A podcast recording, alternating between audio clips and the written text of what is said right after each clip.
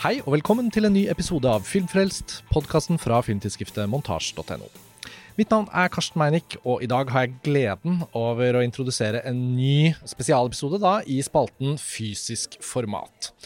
Det har jo vært veldig entusiastisk respons fra dere lyttere på denne spalten, eh, og dessverre har vi jo laget episoder om fysisk mat litt sjeldnere enn vi kanskje hadde trodd. Men nå vender vi da tilbake with a vengeance. Vi har med oss en gjest som har gjort seg bemerket med et helt utrolig flott initiativ på vegne av fysisk mat i norsk filmkultur i høst. Og jeg har gleden av å ønske velkommen til denne episoden. Christer Falk. Tusen takk. Film- og platearbeider, Christer Falk sa du jeg skulle introdusere deg som. Um, jeg tror det er sånn det må bli, fordi jeg har jobba med plater hele mitt liv, og nå har ja. jeg begynt å jobbe med film. Ja, For de som ikke vet, da, så dette prosjektet som vi skal snakke om, det heter Norske filmklassikere. Det er et initiativ som eh, for meg kom helt plutselig da du tok kontakt eh, første gangen vi hørte fra deg i sommer, om at norske filmklassikere, både nye som veldig gamle, skal utgis på Blu-ray i en ny serie med fysisk formatutgivelser. Og Det er jo på en måte som om noen ringer fra månen og forteller at de har en eller annen utrolig nyhet. fordi selv om vi selvfølgelig her på Filmfrelst og i montasje elsker fysisk format og dyrker det, så har vi jo også litt med en sånn nedslående resignasjon innsett at det blir en mindre og mindre gruppe mennesker som kanskje bryr seg om dette. da.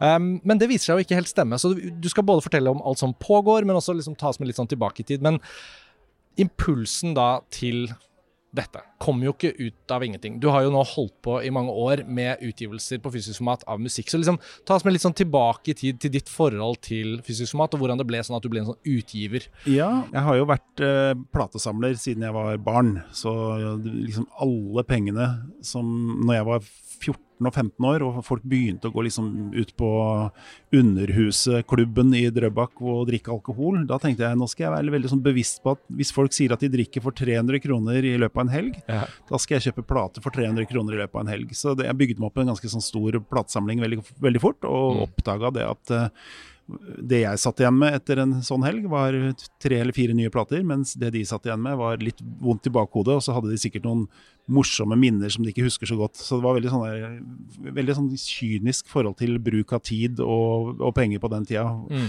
Um, jeg jobba jo i platebutikk etter skolen, og etter hvert så skjønte de at uh, jeg var mye flinkere enn de som jobba i butikken, selv om jeg bare var ekstrahjelp. Og da kunne jeg like gjerne jobbe der hver dag etter skolen, og da jobba jeg jo liksom fem dager i uka pluss lørdager, så jeg jobba egentlig like mye som et voksent menneske, og sparte ganske mye penger, eh, dro i militæret, og dagen etter militæret var ferdig, så starta jeg min første platebutikk på Aker Brygge i Oslo. Veldig gøy. Altså, dette, jeg har jo hørt deg fortelle dette før, og vi har jo lyttere som har hørt eh, meg og andre i montasje fortelle anekdotisk om når, når, Hvilke perioder er vi nostalgiske til? Hva gjorde at vi kom inn på film sånn og sånn? Jeg jobbet i videobutikk på Majorstua på slutten av 90-tallet og inn på 2000-tallet. Um, når er dette, når er det, uten å spørre hvor gammel du er, når er ja, ja. oppvekstperioden din? Hvor er vi da i Drøbak? Nei, jeg er 54 nå. Uh, ja. Eller? Nei, jo, jo, jeg ble 54. Åh, oh, jeg trodde jeg var 53 plutselig. Ja. Nei, men ja, altså, jeg er jo vokst opp i Drøbak eh, på 80-tallet og var jo russ i 88, militær og 89 til 90, og så starta jeg butikken i 1990. Da var jeg 21. Så, Aker Brygge er ganske sånn ny, nyoppusset, holdt jeg på å si da, eller hvordan, hvordan, er det da i Oslo, Aker Brygge, platesjappa di tidlig på 90-tallet? Hva er liksom altså, stemningen? Det, det eneste jeg visste, var at det lå en platebutikk på Aker Brygge som hadde hetsa meg i gamle dager, for jeg så ganske sånn rosa og okay. likte Prince og sånt. Og der ja. var det en rockesjappe som het Rockshop, som ja. lå der. Og jeg ble hetsa fordi jeg skulle kjøpe en Prince-plate i 1988, storefri fra skolen, hvor jeg tok båten fra Nesodden, jeg gikk på Nesodden videregående over. Og så tenkte jeg en dag så skal jeg hevne meg og legge meg ved siden av den butikken og så skal jeg dunke dem ut. Og det gjorde jeg da i løpet av to, ja. to år. Eh, bra, litt bra drivkraft til hevn. Ja, men hevn er faktisk altså, Når du kødder med Prince og meg, 18 år gammel, bare eneste ja. jeg vil i livet er å få en plate og så gå tilbake og leve i fred og ro, og så får ja. du hets. Da går det gærent. Det... Så jeg skværer opp med de i butikken, og det var ingen som husker det helt, men eh, de var så generelt hetsete på den tida. Og jeg la meg jo liksom 50 meter unna, og så mm. var vi der parallelt i to år, og så tok jeg over og lå der i helt fram til 20, 2006. Da, ja. Nei, 2005 la jeg ned. Ja. Og, og det, altså for de som da husker og var innom butikken din og sånn, og 90-tallet som en sånn periode hvor jeg føler at fysisk format kom i et sånn absolutt senit, hvor alt møttes på en bra måte. da. VHS-en gikk til DVD. Uh, uh, LP-ene var vel kanskje fortsatt der, men CD-en og kassetten hadde jo for lengst liksom blitt allemannseie. Og, um, og ting begynte å bli digitalt, men ikke så digitalt. Altså, det var en sånn der, og De første liksom, årene med uh, ulovlig nedlasting av MP3-er uh, var jo også på en måte eksplosivt for musikk, spredning av musikk. Ja, ja. Så det var jo på en måte mange som ropte ut at nå er liksom musikkbransjen død osv. osv. Men det var en sånn utrolig fase i populærkulturen. Da. For nå i 2023 har jo ting endret seg veldig. Men akkurat da møttes liksom alt på ett sted. Ja, altså jeg syns det var ganske fascinerende med dette med eh, MP3-er når det kom. For ja. da begynte folk å Fy faen, veit du hva? Jeg, jeg lasta ned 22 000 sanger i går. Ja. Og det var sånn Du kødder. 22 000 sanger, det er, det er, eh, det er 2000 album, liksom. Det er jo helt vilt. Og ja. det har han da på sin lille maskin. Ja. Så det var liksom sånn litt gjevt, husker jeg da det kom. Men så satt jeg og tenkte at uh, jeg skal være Jeg var litt sånn med mobil òg. Jeg skulle være den siste som skulle få mobil. Jeg skulle være den siste som skulle begynne å laste ned musikk. Og jeg var litt sånn, litt sånn så praktisk. Altså det var en, jeg husker jeg var på en sånn Jeg husker ikke hva de stedene het, på, um, hvor du kunne laste ned LimeWire eller noe sånt. Noe. Ja, Napster og Napster, LimeWire og sånn. De første. Da husker jeg det sto All number one hits in USA ever. Og så tenkte jeg hæ, kan jeg trykke på den knappen, og så mm. får jeg alle nummer én. Og det var, jeg mm. drev mye med quizing og sånt, og så for, mm. meg var det sånn herregud. Trykker jeg på den knappen, så er jeg jo lovbryter, men mm. da har jeg jo tross alt uh, verdens beste grunnlag for å lage quiz til seinere. Ja, for et sånt skifte hadde vel ingen åpenbart opplevd før, hvor ting gikk fra å være et fysisk objekt som uansett måtte anskaffes, men noen hadde enorme samlinger, til å bli at internett og digitale verktøy plutselig gjorde at den det klikket var liksom alt. Det var det. Det var så det langt unna. er jo enormt. Men så uh, En ting du var først i, var jo virkelighets-TV, da, eller reality-TV. Eh, ja, Mange husker deg sikkert fra Robinson-ekspedisjonen. ja.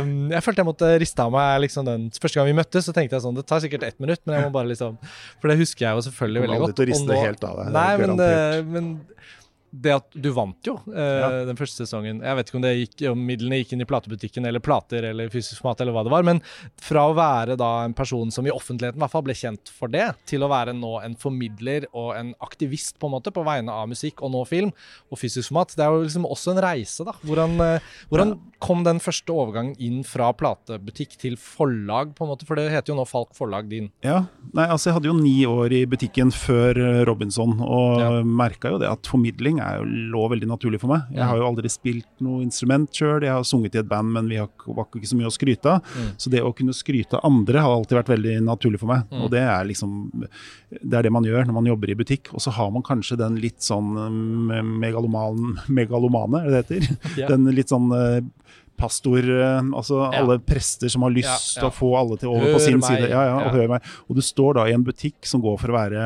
altså Jeg vant jo prisen for Norges beste platebutikk i sju år på rad, eller noe sånt, så det var liksom sånn Alltid eh, visste at uh, nå står jeg Det er som å være liksom Stå midt i Vatikanet øverst, og så kunne du si denne her plata anbefaler jeg. Og så drar de hjem, og så kommer de tilbake to dager etterpå. 'Du har redda livet mitt med den plata!' Det er nesten sånn. Altså, jeg ja. minnes jo lignende scener på videobutikken. Ja, ja. Ikke så mye kjøpefilm den gangen, men sånn folk som sto og surret på Videonova i tre timer, liksom, og så skal dere velge en film snart, og så er vi klarer ikke. Og så bare sånn, ta opp en film, du skal, du skal se den her.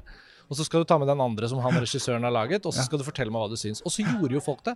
Og det mellommenneskelige det. Jeg håper ikke det er borte, men det er på en måte, man må kjempe for at den typen møter gjenoppstår litt. da. Og da tenker jeg jo at det klikket å få alle hits noensinne på en harddisk, det, det, er null det er et eller annet som er bort, går bort. da. Det er et eller annet som man går glipp av. For Mange spør meg hva er greia med fysisk format, hvorfor har du alle de filmene på hylla og sånn. Og det bringer oss jo til liksom selve prosjektet ditt også, med at liksom fra den erfaringen du illustrerer nå, da, og det å kjenne på Jo, det er en makt, selvfølgelig, og litt sånn illustrasjonen av presten som står og forkynner, ikke sant?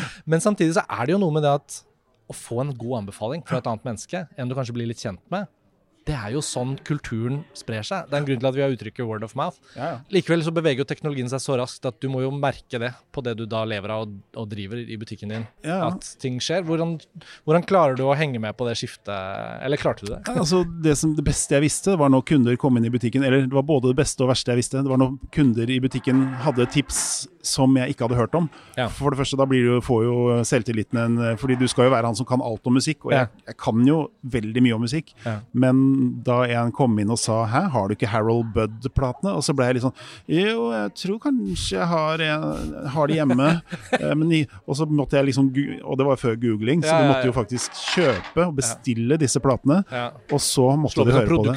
Ja, produkt, sånn tusen sider fra. Altså det, altså, det, var så gøy, da. Fordi at du oppdaga så mye nytt. Og så, og så begynte jeg liksom å tenke sånn Faen, dette her er jo gøy. Det er jo folk som faktisk er eksperter på musikk som jeg bare er sånn passe god på. Selv om jeg kanskje kan mye om noen ting, så er det jo Altså, jazz eksempel, er jo gigantisk eh, Altså, hele feltet jazz er jo enormt. Mm. Mm. Så det kom plutselig inn en jazzartist i butikken hos meg og så sa jeg, oi, kan ikke du lage en topp 10 eller topp 20-liste over favorittjazzplatene dine, og så kan jeg henge den opp på veggen.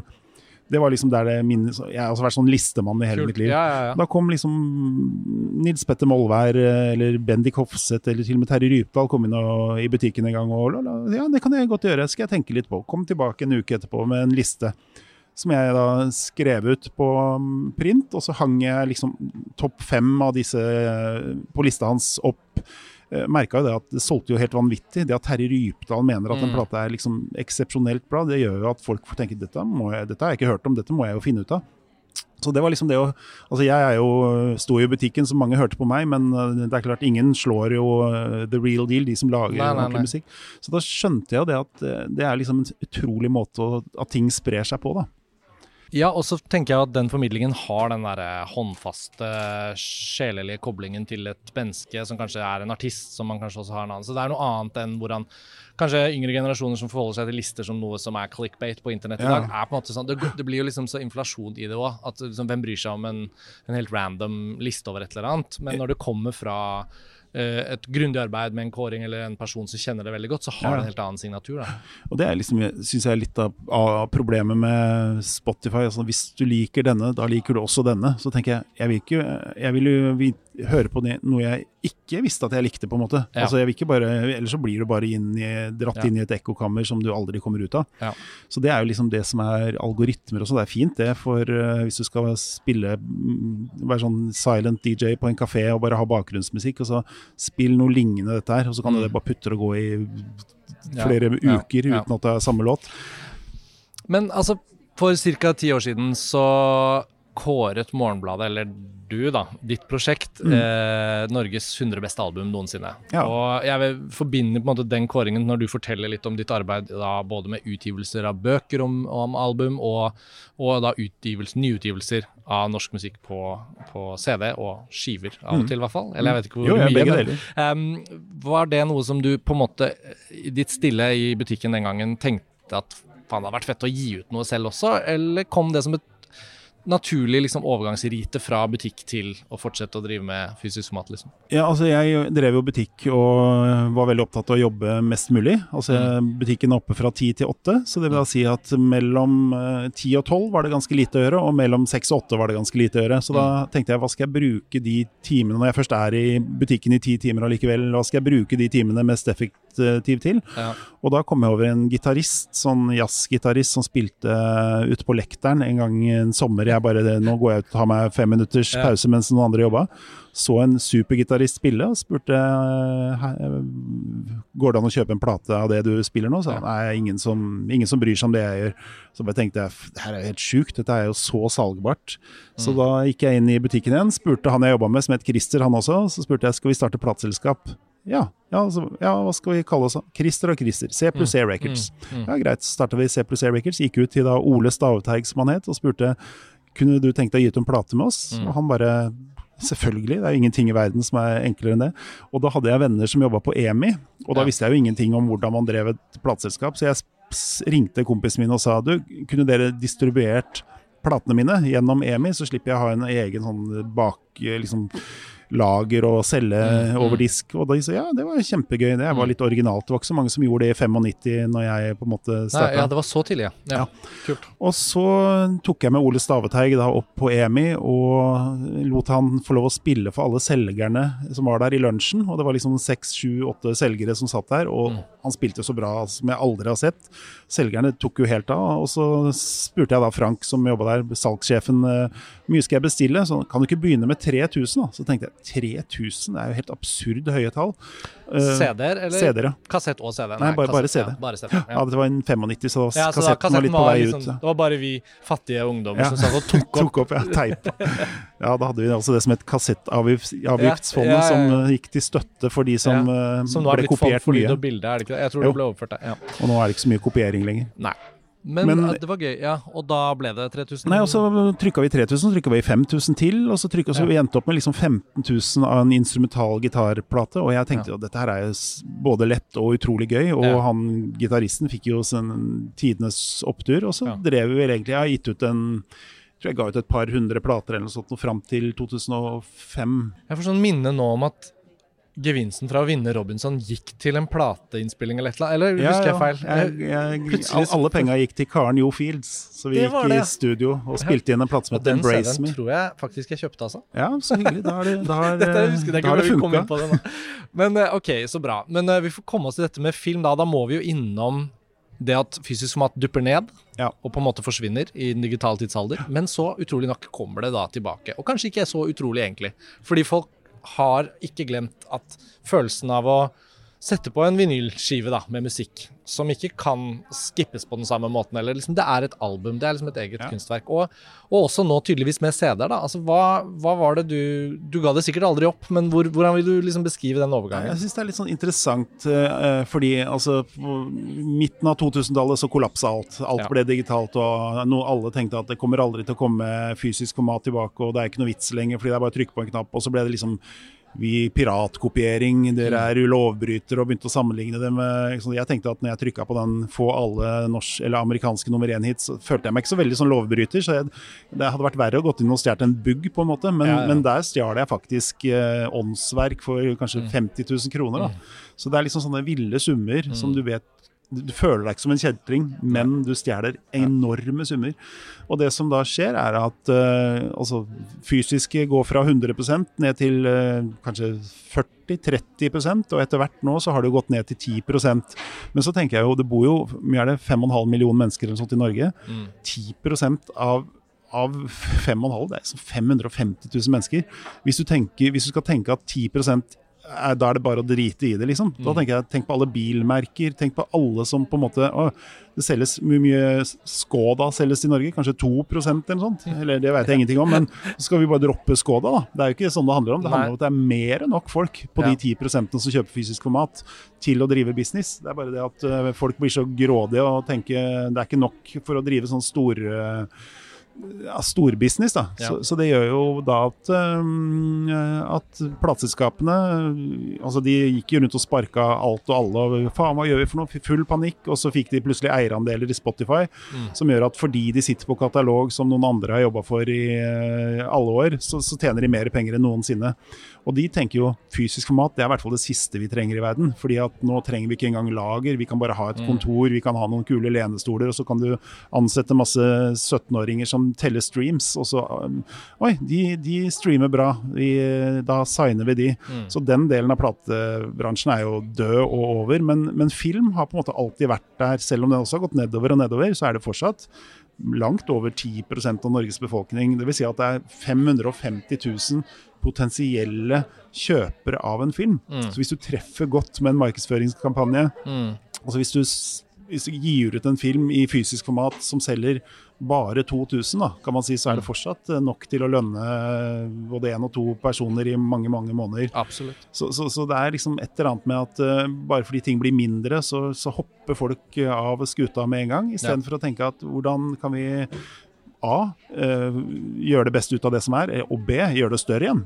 Fordi at det kommer, til, det kommer til å komme et tidspunkt hvor folk går inn på Netflix og tenker oi, nå har jeg lyst til å se uh, Den brysomme mannen, mm. eller uh, hvilken som helst film, og så mm. går de inn og så Nei, der lå han ikke. Ah, kanskje han er på HBO, mm. faen. Fins det ikke et sånt sted du kan søke Hva het det? Og det het noe annet før, for de har lagt ned nå. For det er ja. ikke noe penger ja. i å drive en ja. opplysningstjeneste på hvor man kan se strømmefilmer hen. Mm. Og så ender det opp med at Nei, vet du hva, vi ser denne Adam Sandler-filmen, vi. Mm. Og så sitter du og ser på det. Ja, altså du, du, snakker jo nå rett til på en måte mye av premisset for, uh, for, for, det vi her på Montasj og på Filmfrelst har snakket om i årevis, men ikke minst som vi har kommet mer og mer inn på nå som vi har satt fysisk format litt på dagsorden her på podkasten. Så da, mm. da, du tok kontakt i sommer og sa hei, hopp, det er Christer Falk her, uh, jeg har et prosjekt, mm. så må jeg jo innrømme at jeg nesten ikke liksom helt trodde det jeg leste, fordi du så Robinson-Christer, som nei, sto nei, i, i bar underbuksa på øde Nei, altså jeg har fulgt med på disse plateutgivelsene ja. du har holdt på med og sånn, men vi har kanskje følt oss litt alene om å gå ut og si at fysisk format uh, betyr noe. Og uh, i norsk filmbransje så er det jo veldig ofte sånn at bransjen selv er nesten alltid mest opptatt av de pengene som skal gå til nye filmer som skal lages. Mm. Og en av fortvilelsene for oss i montasje lenge har jo vært at hvis vi lager liksom nå 30 spillefilmer i året, uh, den filmarven, både den nye, ferske filmarven fra de mm. siste 20-25 årene, og selvfølgelig hele filmarven, mm. hvordan blir den til stadighet formidlet og holdt levende? Man kan jo ikke bare ha det lagret i Mo i Rana inne i berget, på en måte. Ja. Og det finnes selvfølgelig filmklassikere, Olsenbanden, Flåklypa, filmer som folk har så nært forhold til at de kommer stadig tilbake.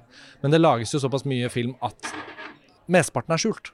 Ja. Så da jeg leste premisset for prosjektet ditt, så tenkte jeg bare OK, dette høres jo ut som mer enn én utgivelse av den ene superkjente filmen. Det høres ut som du planlegger og så ser jeg liksom hva du skriver, og så tenker jeg det er jo ikke bare liksom ti Det er jo ikke bare Dette er jo virkelig et stort opplegg, da. Og dette har jo du nå fått forklart.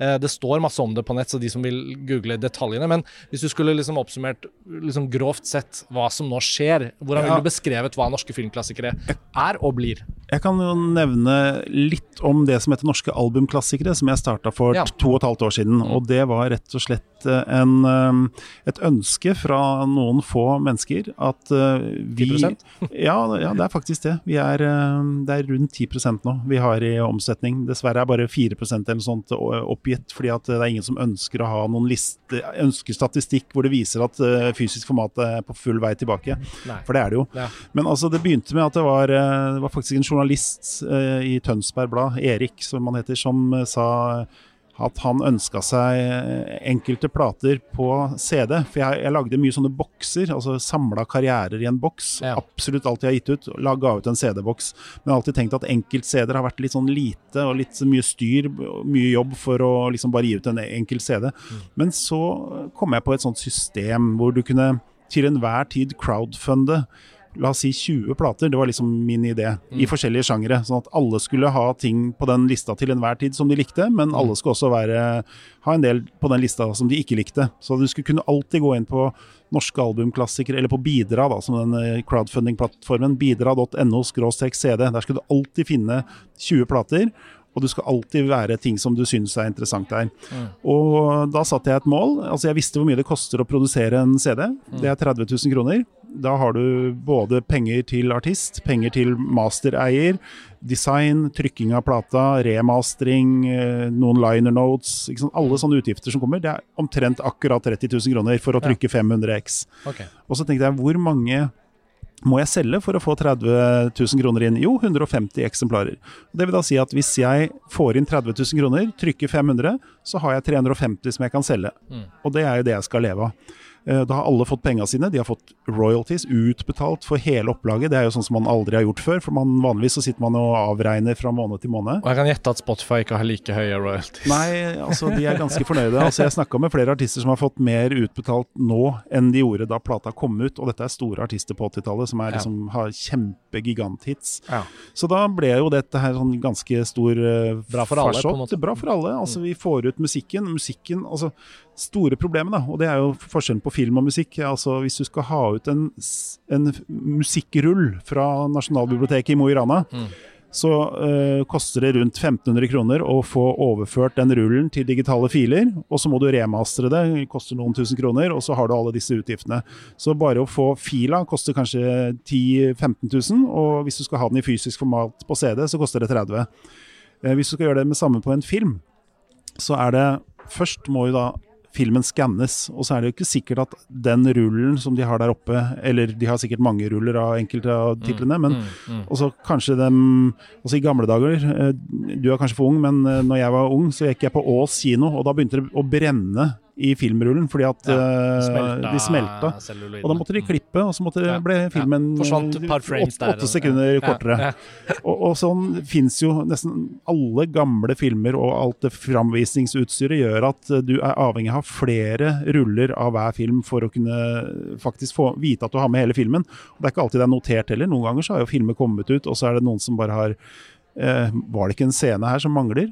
Det tror jeg ikke. Her har vi tatt den originale rullen. Mm, mm. Ja, men den rullen, ja, men brukte dere en annen rull og sjekke? Ikke sant? Sånne type ting. Men, men bare for å eh, framkalle eller skanne filmen, så snakker vi på en ganske enkel film rundt 100 000 kroner. Mm. Og så skal den lyssettes på nytt. Mm. Og det er jo kanskje også 50 000 kroner. Og så må du jo gjøre det som kalles remastering på CD-språket, som er da eh, postproduksjon og alt fra lydbearbeidelse til eh, å fjerne Og kodekker for selve Blu-ray-formatet òg er vel Ja, ja. sin egen, ikke sant. Ja. Så da liksom før du begynner på Blu-rayen, så er det 200 000 kroner for en film. Og så må det jo filmen lages, og, og Blu-rayen koster jo også en Altså For å lage 500 Blu-ray så er det jo sikkert 50 000 kroner alt i alt, eh, kanskje pluss-minus. da. Så 250 000 koster å lage en film, og det koster 10 000 å lage en plate. Mm. Og når du tenker på da eh, Nasjonalbiblioteket, som jobber jo som helter der oppe hele tida. De jobber jo og digitaliserer og sitter jo hver dag massevis av folk og digitaliserer. Men de er,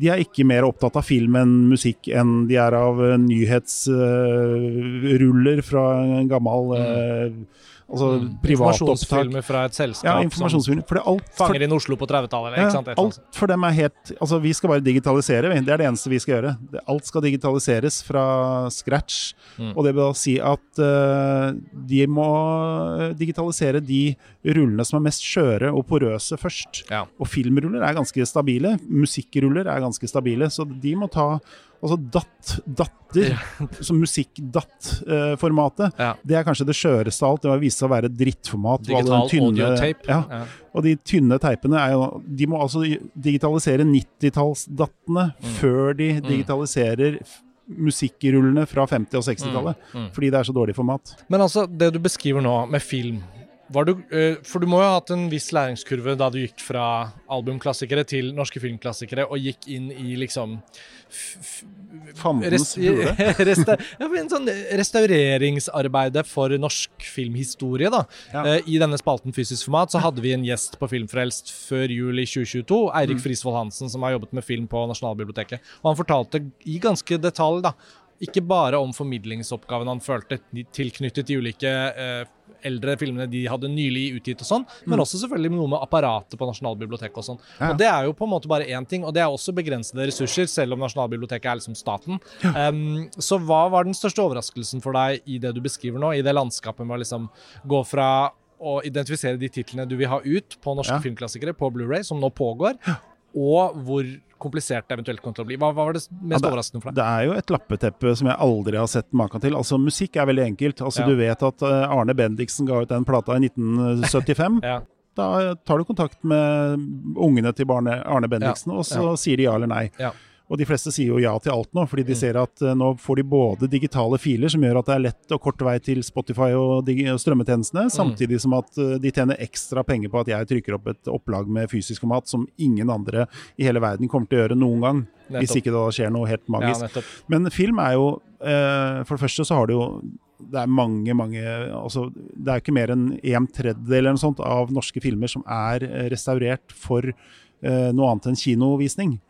Så du kan jo nesten sette opp hva du vil på kino, men altså, det er ikke så veldig mange som pleier å sette opp 40-tallsfilmer, bortsett fra Cinemateket og liksom fire-fem andre steder i Norge kanskje som, Ja. som har spesialisert seg på sånne retro-greier. Men på Blu-ray eh, eller VHS eller DVD så har jo alltid formatet vært eh, Altså VHS er det ingen som ser på lenger. Det er jo blitt som ja, det har ikke noen nostalgieffekt ordentlig, føler jeg heller. Nei, jeg har er- ikke kastet mine gamle VHS-er, men Men det du bytter ut når du setter inn nytt. Nei, jeg føler bare Jeg har ikke hjerte til å kaste det. Nei, det gjør ikke det. De beste VHS-ene mine, det er jo akkurat som med kassettene, er jo fra opptak fra TV. Ja, ja. Filmer som jeg visste skulle gå på TV, som jeg ikke hadde råd til å kjøpe meg. Altså ta den opp. ja. Så det er derfor jeg ikke har kastet mine. Det er ikke for å se dem igjen, da. Men, Nei, ja. altså har jo en del, men Men, men, Men DVD også, var et så stort hopp, ikke sant. Så DVD-er Jeg kaster jo ikke DVD-er, for jeg føler en DVD som fins, den er fortsatt en verdig representasjon av den filmen, hvis den er laget ordentlig. Ja. Men når man da utgir ting på nytt, så gir det jo ikke meningen nå å gi det ut på DVD. Da er det jo Blu-ray som har blitt landingen av det fysiske formatet på en måte for film, da. Ja, altså det har det jo 4K, men det, Ja, er, det, er, det, men det er liksom ikke folkets format. Og Altså, så er ikke hoppet fra Blu-ray til 4K er ikke like stort som det er fra DVD til Blu-ray. så de sier at ved, fra, fra VHS til DVD så er jo eh, nesten spranget mindre enn det er fra DVD til Blu-ray. Ja. I hvert fall hvis det gjøres skikkelig. da, Ja. Og det er jo det som vi prøver å gjøre nå. At Ja. vi, vi skal gjøre det så skikkelig som overhodet mulig. Altså, Ja. Vi ønsker altså ikke bare sånne dårlige, dårlig oppløste bilder på baksiden av coveret. Vi vil ha originale film, sånn ordentlige filmbilder som har blitt tatt uh, stills. Uh, vi ønsker å gjøre det i så bra uh, oppløsning som mulig. Så vi vil at det skal bli sånn her er det ikke noe vits å gjøre det igjen noen Nei. gang. Altså Det kommer sikkert å komme enda et format etter 4K som er enda heftigere, men så blir det sånn Du får ikke med deg folket på det. Så nå, Nei, nå lander han- vi på Blu-ray. Ja. Det, det er sannsynligvis Og gjør vi det stort igjen nå, så blir det stort videre også. Ja, jeg mener det er et veldig bra tverrsnitt, og da du sa at det var beslutningen, så tenkte jeg at det hadde ikke jeg noen protester mot som Nei. filmfan selv, da. Um, men vi møtes jo nå i november, eh, Christer, så det betyr jo at for mange av lytterne som har fulgt med på dette, da, så vet jo at ting er i gang. Og jeg tenker det kan være gøy å nevne for de lytterne som kanskje ikke har fulgt med så godt, hva er det som har skjedd til nå? Dere har offentliggjort at dette skal skje, og så har dere startet en eh, gruppe på Facebook Som som heter heter, Norske Norske Filmklassikere. Filmklassikere. Og de av lytterne som ikke har eh, blitt medlem der ennå, det er bare å gå inn og bli.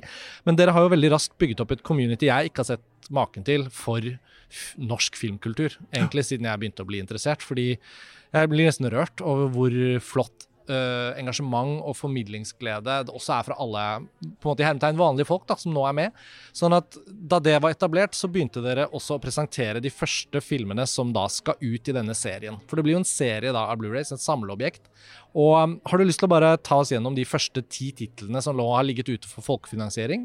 Jeg vet at noen av dem er ferdige i sin folkefinansieringsfase, men noen Akkurat i skrivende stund så er det jo halvparten har vi fjerna fra lista fordi Ja. tiden er ute. Så Ja. nå er, vi, er de i produksjon, og Men nå går det alle, an å kjøpe alle har nådd sine mål. Alle har nådd målene sine, Ja, og det gikk jo de så første. vilt fort. Det Altså, var jeg, helt utrolig å følge med på. jeg har gjort dette her på norske albumklassikere, og da har vi satt 30 dager. Ja. Altså Hvis uh, vi når målet på 30 dager, da lager vi. Og, og Ja. som regel så er alle platene går inn når det er én time igjen. Altså Folk venter og venter. Altså Ja. Når det kommer til film, så har den ene gikk jo inn etter to timer. Altså De dødes tjern. Ja, Da fikk vi inn de 50 000 uh, første krone, uh, og den ble jo forhåndsbestilt av, fem, nei, tus, over 1000 mennesker. Innen den ble avsluttet. Ja, så innen der er det, Dere har solgt 1000 Blu-rays Ja. av Kåre Bergstrøms De dødes kjern allerede. Allerede, og antageligvis mer også, for platekompaniet har jo lagt inn på sin For jeg, ja, det må jo sies at dette gjør jeg i samarbeid med platekompaniet. Ja, nå kom jeg også Ja. på det. Vi skulle kanskje sagt det i starten, Ja, men nei, det passer å si det nå. ja, Fortell eh, litt om partneren Platekompaniet her. Det er jo den siste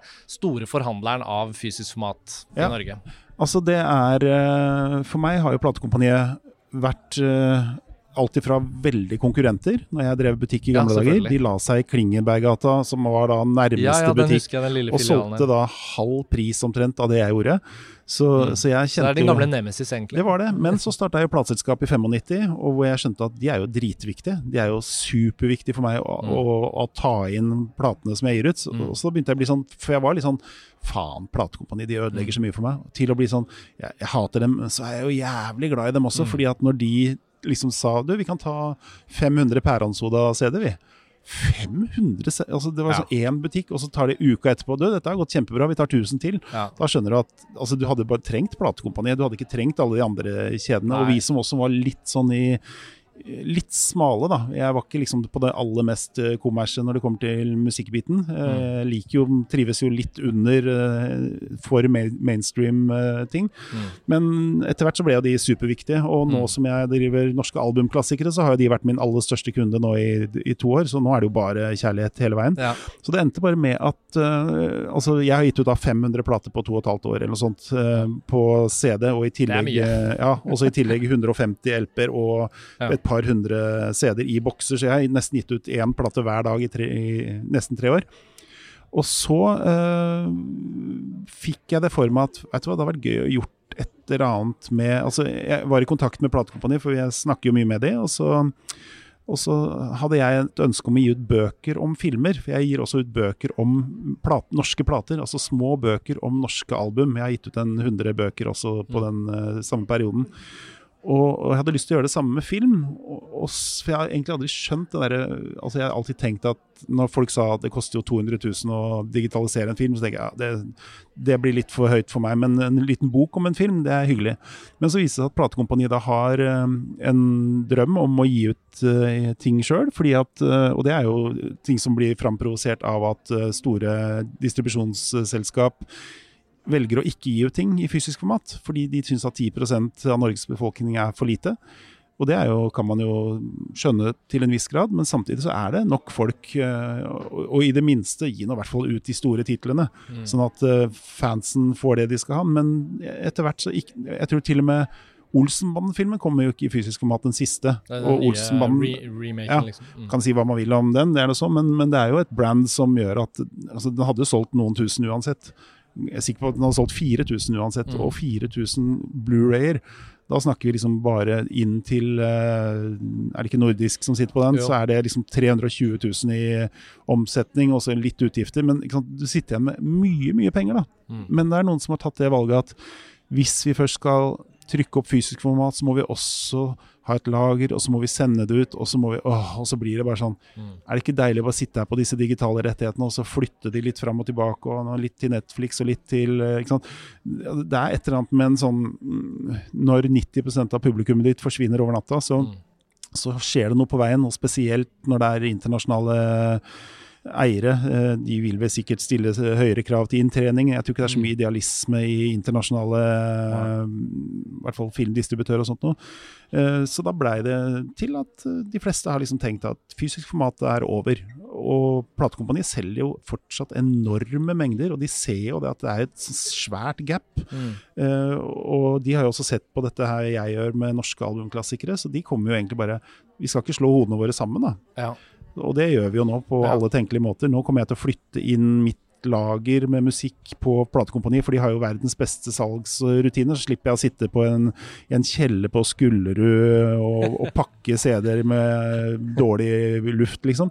Så det er liksom bare bra ting som kommer ut av det. Jeg har plutselig altså- tre dager ekstra i uka nå som jeg kan lage filmer for de, og de gjør all den jobben som jeg slipper og jeg kan jo også se for meg at den, den empirien platekompaniet kanskje besitter, er ikke nødvendigvis den samme som uh, norske filmprodusenter har tilgang på når de sitter og tenker nei, vi bare dropper å gi ut ting på Blu-ray og DVD, og så sitter platekompaniet og ser at ja, men hos oss er det folk som søker etter den filmen ja. dag etter dag, og vi har ikke noe å selge dem, liksom. Så i det møtepunktet så må det jo også oppstå et sånt ja, en slags markedsanalyse som sier at ikke bare har dette en veldig kulturell betydning. Jeg personlig Kristi, syns den kulturelle betydningen av det dere gjør, er det viktigste. Det er ja. fantastisk å se at titler som kanskje så vidt er omtalt i filmhistoriebøkene, plutselig nå skal ut på Blu-ray og mm. egentlig aldri vært utgitt på fysisk format siden kanskje VHS. da. Så, så det er jo noen sånne titler her òg. Ja, men at platekompaniet faktisk også er med som en kommersiell aktør og ser et uh, Var det også liksom inspirerende for deg? Å tenke at ok, så de mener at det faktisk kan selge, liksom? Ja, altså Det som er fint med platekompaniet, altså de sitter jo på noen helt vanvittige lister med folk som kjøper film. Så når ja. de sender ut et nyhetsskriv, så når de jo mennesker altså De har jo jobba med dette her i 20 30 år, hvor, eh, hvor de har liksom samla informasjon om ja. hva folk liker, hvem som liker det. Ja. Så, så, det er veldig kort vei, da. Altså, det er jo forskjellen på norske albumklassikere, hvor jeg sitter nå på en database med 2000 navn, og jeg vet ikke engang om de har sagt ja på DGRP, men jeg håper at ingen blir sure. Men uh, de har jo liksom gjort alt etter boka. Ja, ja. Det er jo en sånn ordentlig lovlydig gjeng liksom, som ja, har gjort alt riktig og bygd opp Norges største nettbutikk. Og, og, så er det jo det at platekompaniet har alltid vært veldig flinke med titler. De er liksom øh, altså Free Record Shop da, i gamle dager, det mm. var jo ja, Så tar vi på det som er på VG-lista, og så mm. Kommerst og alt var liksom Kurt Nilsen og Absolute Music. Mens platekompani har jo breaka masse viktige, smale, rare mm. artister. De, de mm. føler alltid de har vært litt uh, idealister og businessfolk uh, om hverandre. Mens du, Free Record Shop kun mm. altså Der kom det bare blåruss inn, og så 10 av omsetningen består av 90 Ja, det av sånn, Det er bare sånn derre Men når du nevner Free Record Shop, altså det, jeg skal ikke bruke mye tid på det, men det er jo så sprøtt å tenke på at uh, det er ikke mange Det er jo ikke mer enn to tiår siden hvor man på en måte hadde en hel flora av ulike platebutikker i Oslo, da, musikkbutikker. Ja. Fra liksom Akers Mic, Free Record Shop, din butikk, platekompaniet som lå nede i, T-baneundergangen Ja, på Grønland der. Um, Hysj, hysj. Am- Hysj, hysj, ja. Ja. Amadeus Ja, ja, i det Bogstadveien. Musikkforlaget. Musikk, Musikkverket, ja, liksom, så den, hele den floraen er jo da forsvunnet, og den returnerer jo ikke på samme måte igjen. Nei. Men, um, men eh, platekompaniet har jo da klart å på en måte bruke mye av den litt sånn moderne kanskje inngangen de hadde den gangen, og overlevd da, heldigvis. Mens jeg føler jo da at platekompaniet, med butikken fortsatt på Oslo City, eh, har jo nå returnert til 2023-tidsalderen som på en måte nisjeleverandør, hvis man kan si at fysisk format i det hele tatt Mm. er for mange ganske nisje. Da. Til og med bøker er jo da fysiske objekter for de som fortsatt vil ha bøker som fysiske objekter. Men mange leser jo på disse padsene sine rundt omkring. Ikke jeg. Så, så ja. Så det er bra at de er partner her og vil, vil vel. Vi fikk akkurat nevnt De dødes kjern. Kanskje vi skal returnere til Ja. listen over titler her, da, bare fordi det er gøy for lytterne å høre. For de som ikke har allerede browset og folkefinansiert sine favoritter. Ja, ja. De dødes kjern er jo i mål, og den er tatt ut av eh, bidra.no skråstrek Og er til salgs på platekompaniet. Den er til salgs nå, på vanlig. Eh, Knutsen og Ludvigsen fra 1974. Ja, ikke til å Med- misforstå med de nye Nei, dette er animasjonsversjonene. med Mhm. eh, Harald Heide Steen. Ja.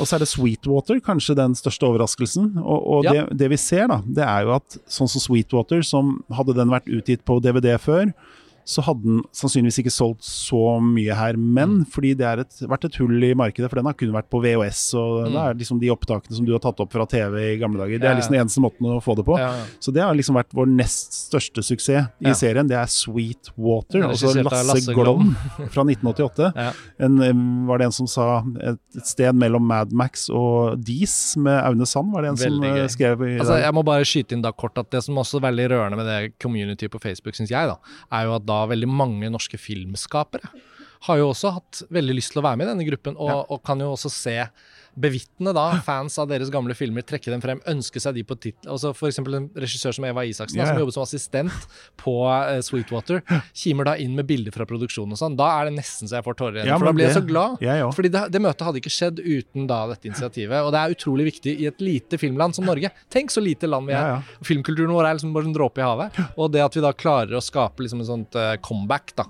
litt for noen av disse titlene, er veldig kult. Men det, det som er så sjukt, er at altså, så liten og så oversiktlig eh, filmkatalog som det vi har i Norge, Mm. så har altså i, i løpet av alle disse årene det har vært kulturministre og kulturdepartement som ikke har formidla Mm. de er det 100 millioner kroner eller sånt noe man Mm. trenger for å få digitalisert all norsk film gjennom Ja, alle tider. tenk det. Du, Du har sagt på det liksom, tallet til meg før, men det er jo på en måte sjokkerende. Ja, Og- Men tenk deg pandemien, hvor Ja. Tons of Rock, en hardrockfestival på Ekeberg, fikk 36 millioner kroner i kompensasjon for å ikke avholde en festival. Da blir det sånn Det er en tredjedel av hele norske filmarven. De, også de pengene gikk jo rett til jeg vet ikke, Holland eller hvem det er, Altså, amerikanske eiere. Og så sitter du og tenker det er noen som ikke greier å regne inn det, En annen ting er jo at de penga forsvinner jo for alltid. Mm. Men hvis du gjør dette her og digitaliserer den norske filmarven, så Mm. genererer du penger for evig tid. Mm. Så 100 millioner eh, i dag er kanskje 90 millioner om fem år. Om, om kanskje 30 år så er det tjent inn hele Altså hele den utgiften. Da. Ja. Men, men altså det virker som at norsk film, sånn som du sa i stad også, de tenker bare på hva som skal komme. Fordi Mm. at det er jo gøyest å jobbe med nye ting som skal skje, men altså de glemmer det at man sitter på en gullgruve. Da. Altså Ja. Du ser jo nå, vi har omsatt for mye var det vi har omsatt for 200 000 på De dødes tjern på Blu-ray. Mm. Det er bare den ene lille filmen. Mm. Altså Den har jo tjent seg inn allerede, hvis man tenker på at den har kosta 200 000 å Mm. produsere. Og framover nå så er det jo bare inntekter for, for alle. For Mm. eh, både produksjonsselskap mm. sant? Alle tjener penger på det. Så tenker jeg at vi vet at det er Og dette det er heller ikke den største filmen i norgeshistorien. Altså det er jo i hvert fall ti filmer jeg vet om som kommer til å garantert Mm. selge mer enn dette her. Mm, mm, mm. Så, så det er et eller annet med at det er noen som har sett seg litt blinde på eh, Altså Jeg tror rett og slett ikke det er noen særlig folk i Kulturdepartementet som som kan film? Eller jeg vet ikke. Film er jo en kunstform ja. som dessverre det har vært jevnt over lite kunnskap om. Det var en grunn til at vi opprinnelig etablerte montasje da, og ja. denne podkasten for 15 år siden neste år. At uh, jeg følte, jeg husker jeg var filmstudent på Lillehammer og tenkte liksom men fins det noe ordentlig sted? Da var det jo mest ønske om å ha et uh, nettidsskrift da, hvor man kan liksom skrive og dyrke. Det fantes jo ulike tidsskrifter og publikasjoner, så det var ikke sånn at det var uh, ingenting. Mm. Men jeg følte det var sånn, det mangler noe. Og, og, og, og sånn, hey, hermetegn, min generasjon har ikke noe sted, noen sånn sted å uttrykke oss osv. Mm. Og, og, og i løpet av de 15 årene så har jo jeg også erfart veldig hands on at i mange sånne hjørner hvor man tar det for gitt at folk skal bry seg om film, så skjønner man at det er faktisk ingen som har på en måte kulturell innbakt oppdragelse til å anse film som kunst, Nei. som en kunstform. Og det må vel være lov å si at det er en, at det er en kunstform som også når veldig bredt ut. Mm. Det er en populær kunstform. Eh, noen tør ikke å si ordet filmkunst, fordi de vil si nei, det er for publikum, det, ja, ja. vi skal tjene penger, det koster mye å lage film. Ja, men det er fortsatt eh, faktisk en kunstform, og vi er ansvarlig for filmkulturen. Og når da ditt initiativ, deres initiativ, um, kommer i sommer og har pågått i høst,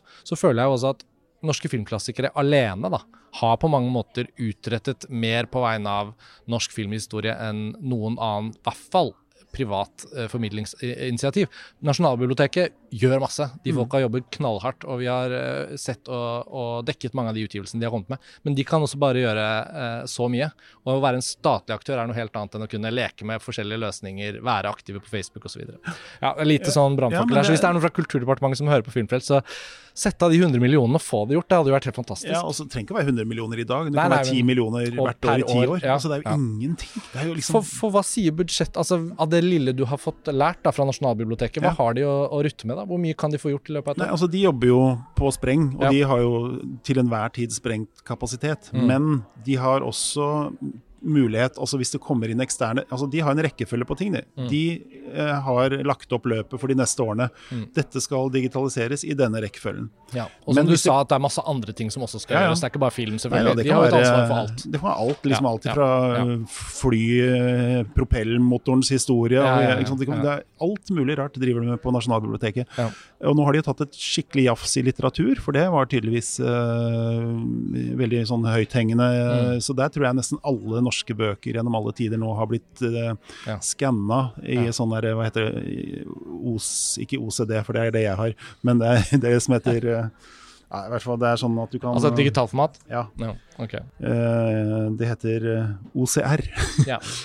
Eh, så, så, så, så, jeg vil jo tro at snart kommer man til film også, men tenk deg musikk. Mm. Det er det samme der. Det ligger mm. liksom 10 000 musikkruller som mm. ikke er digitalisert, og det hadde ikke kosta mer enn 1500 kroner stykk å få digitalisert. Mm. Så, det er liksom det er små tullebeløp da, mm. som skal til for å bare få dette fram. Men, men igjen, de har jo sine sjefer igjen som ja. sier så mye ja, for dere, og så mye har dere å rutte med.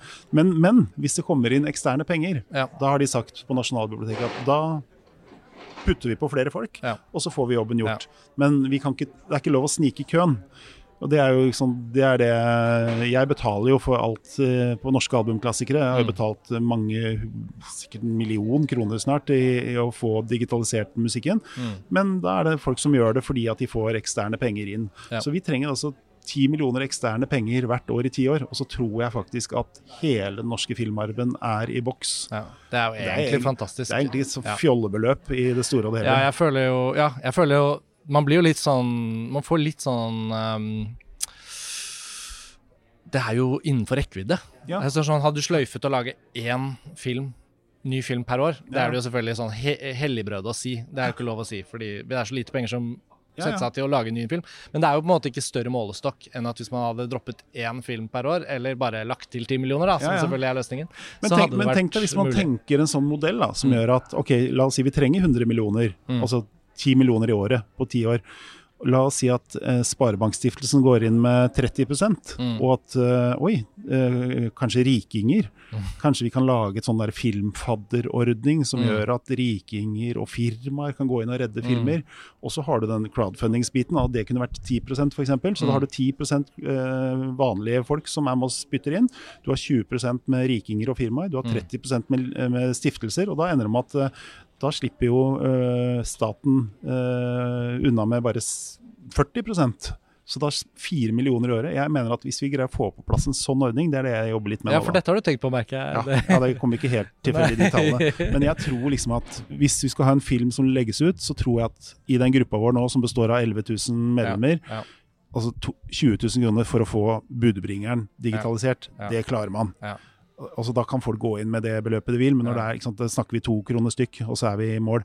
Og så får du noen eh, altså, altså Hvis du har lokale filmer, har du noe Stella Polaris som er spilt Mm. inn i Finnmark, Ja, ja. hvorfor skal ikke f.eks. fylket gå inn og, og backe opp eh, det som skal til? Ja, det er veldig godt poeng. Veldig Og da har du plutselig fått inn en så stor sum. Mm. Hvis man begynner å tenke litt spleiselag, det er jo hele poenget med crowdfunding, er jo at det skal være et spleiselag. Men jeg tror liksom at det er for mange altså hvis, du, hvis du er kulturminister, og så får du vi trenger 100 millioner til å uh, Mm, mm, få norsk film. på- ja. Og så er det noen som sier vi trenger også Automobilforbundet vil kartlegge alt Ja. som er av Ja. øh, manualer for øh, norske vaskemaskiner. Det må vi også kartlegge. Også? Det, det står jo folk og maser om de samme penga. Selvfølgelig. Men film er liksom faen heller, da. Er. Film er viktigere enn manualer, altså. Det kan du Det kan du trykke på en T-skjorte. men, eh, men det jeg syns folkefinansieringen på Norske filmklassikere-prosjektet til nå har jo Mm. også vært veldig oppmuntrende, bare i form av å vise interessen er der, betalingsviljen er der, og ikke minst liksom kjærligheten til norsk filmhistorie. Mm. Og det er jo nesten også litt rørende, fordi i veldig mange år, særlig i min oppvekst, og sikkert også i din, så var det jo litt sånn at norsk film var liksom ræva. Ja. Uh, og en og annen kanskje var kul, og noen var så ræva at de ble bra. og sånn, og Men så på særlig da fra slutten av 90-tallet og inn helt frem til 2023 da nå, så har jo norsk film år for år og det er jo betydningen av all satsingen på å lage nye norske filmer. da, År for år er jo at man har plutselig lagd seg en skikkelig filmkultur vi er stolte av. og Vi blir Oscar-nominert, og vi eh, tas med til filmfestivalen i Cannes osv. Og så, videre. så vi er jo også i en sånn, kanskje en litt sånn høytidsperiode. Da. Og desto bedre eh, er jo da vinduet også for å se tilbake. Og jeg, jeg bare, eh, Kjapt, fordi vi begynner å gå ut for tid, så skal vi bare lese opp et par av titlene til. Altså eh, 'Bryllupsfesten' av Amma Vennerød. Eh, 'Den forsvunne pølsemaker', Toralf Sandø. 'Reisen til julestjernen' av Ola Solum, altså en opplagt klassiker for mange. 'Vi gifter oss' av Nils R. Müller. Og så 'Den brysomme mannen' til Jens Lien fra 2006. Og den kom jo ut i et år før Blu-rayen hadde festet seg, Ja. men også før DCP-en var kinoformatet. Så den kom jo ut hvor den ble vist på kino på analog filmrull, og ble utgitt på sikkert ikke VHS, men i hvert fall DVD. Ja, ja. Og så på en måte forsvant den under overflaten igjen. Så den har jo, til å være en ganske ny film, virkelig også hatt behov for å komme på Blu-ray da. Ja, og der jeg også merker at det er veldig sånn uh, hurrastemning. Jeg tror kanskje for regissører og liksom folk som jobber med dette her, Mm. så er det å komme i en sånn litt flott Altså kommer du i Criterion, Ja. uh, så er det sånn uansett hvor kul du er av filmskaper i USA eller Ja, ja. Tyskland eller. Tyrkia, så er det sånn klapp på skulderen. Eh, Så, så jeg, vi håper jo kanskje bli litt sånn, da. At vi, vi, skal gjøre, vi skal gjøre det lekkert. Det kommer jo vanvittig flotte Mm. eh, Blu-rayer med slipcaser Ja, og alt dette har dere jo lagt ut på Facebook-siden. Ja, ja. For de som lytter som ikke har sett det ennå, så er det bare å gå inn og finne det frem. Så og egne det, historiske liner notes som skal være Ja, på baksiden når du åpner opp. Sånn at? Vi, vi, vi gjør det så fint at folk Altså Jeg håper, det, det merker vi jo først når de første eh, filmene kommer inn, sånn i begynnelsen av desember, om dette er, blir det så bra som vi drømmer om. For vi tror jo at det er veldig mange som sitter og tenker å ja, nå kommer de der eh, folka der som masseproduserer CD-er og én en Ja. plate om dagen og sånt noe. Og nå skal de gjøre med film også, men jeg tror hvis de blir så fine som vi drømmer om Ja. Altså det var, når vi gjorde de LP-ene også, husker det var altså veldig sånn faen, Blir de lekre? Liksom, vi, altså alle ah, 'Vi vil ikke ha sånn label', nei, vi vil ikke ha noe klistremerke på Det er jo tusen meninger om alt. Og det merker vi i filmgruppa, og folk er jo jævlig opptatt av å ha egne meninger. Ja. Men altså da Finn Koren, LP-en, en trippel-LP kom ut første gang, da fikk jeg en melding fra en journalist i VG som bare sa Fy faen, det der tror jeg er et av de fineste produktene jeg har sett. eh, Altså LP-produktene jeg har sett. Og da tenkte jeg så deilig, for da veit du at nå har vi riktige folk vi jobber med. Vi har de Ja. Altså filmverdenen er jo enormt stor, for der er det jo så mye rettighetsproblematikk. Hvem eier egentlig? Ja, den eier jeg, sier en eh, Altså, jeg har kontaktet en regissør sånn, den eier jeg, så den kan du bare deale med meg direkte. Og så viser Nei, det var ikke det. Det var eh, noen, et produksjonsselskap som eide den, og distribusjonsselskap som eide Nei, det var ikke det allikevel. Det var Ja. en rettssak som viser å være en helt tredje person som endte sant? Altså det er, det er, det er veldig vanskelig å finne ut, så nå har vi liksom måttet alliere oss med, med f.eks. Norsk Filmdistribusjon, som sitter på en veldig solid katalog. Ja. Så er jo målet etter hvert at vi skal kartlegge resten også. SF ja. sitter på mye, Nordisk sitter på mye og sånt noe. Og så er det jo, det er jo etter hvert som dere skrider gjennom flere og flere filmer, da, så håper jo i hvert fall jeg, for å kime inn, mm. at uh, det har vært gøy å se om det dukket opp noen av de litt mer independent, små, rare filmene som har kanskje forsvunnet litt mellom, mellom sprekkene opp gjennom årene. Uh, de to siste som er ferdige, eller som ligger ute, da, det er da 'Fjols til fjells' av Edith Karlmar og 'Insomnia' av Erik Skjoldberg, som er jo en av bare to norske filmer som er utgitt på Criterion. Hva er den andre? Eh, 'Verdens verste menneske'. Den kom også, ja. ja. Men rart at det ikke er reprise og sånt. Der. Ja, det er rart. Hm. Men ja, uh, vi får se hva som de har i vente. Det dukker vel opp. Ja. Men uh, OK.